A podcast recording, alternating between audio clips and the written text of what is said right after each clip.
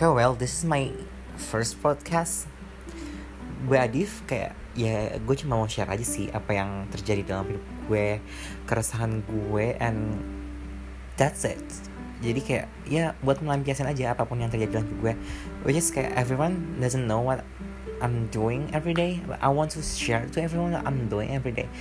I know I have bad English, but I try. So, buat kalian-kalian yang uh, bukan kepo sih lebih kayak punya banyak waktu buat dengerin gue. Kalian bisa dengerin podcast gue di sini. This is my first podcast so listen it. Okay?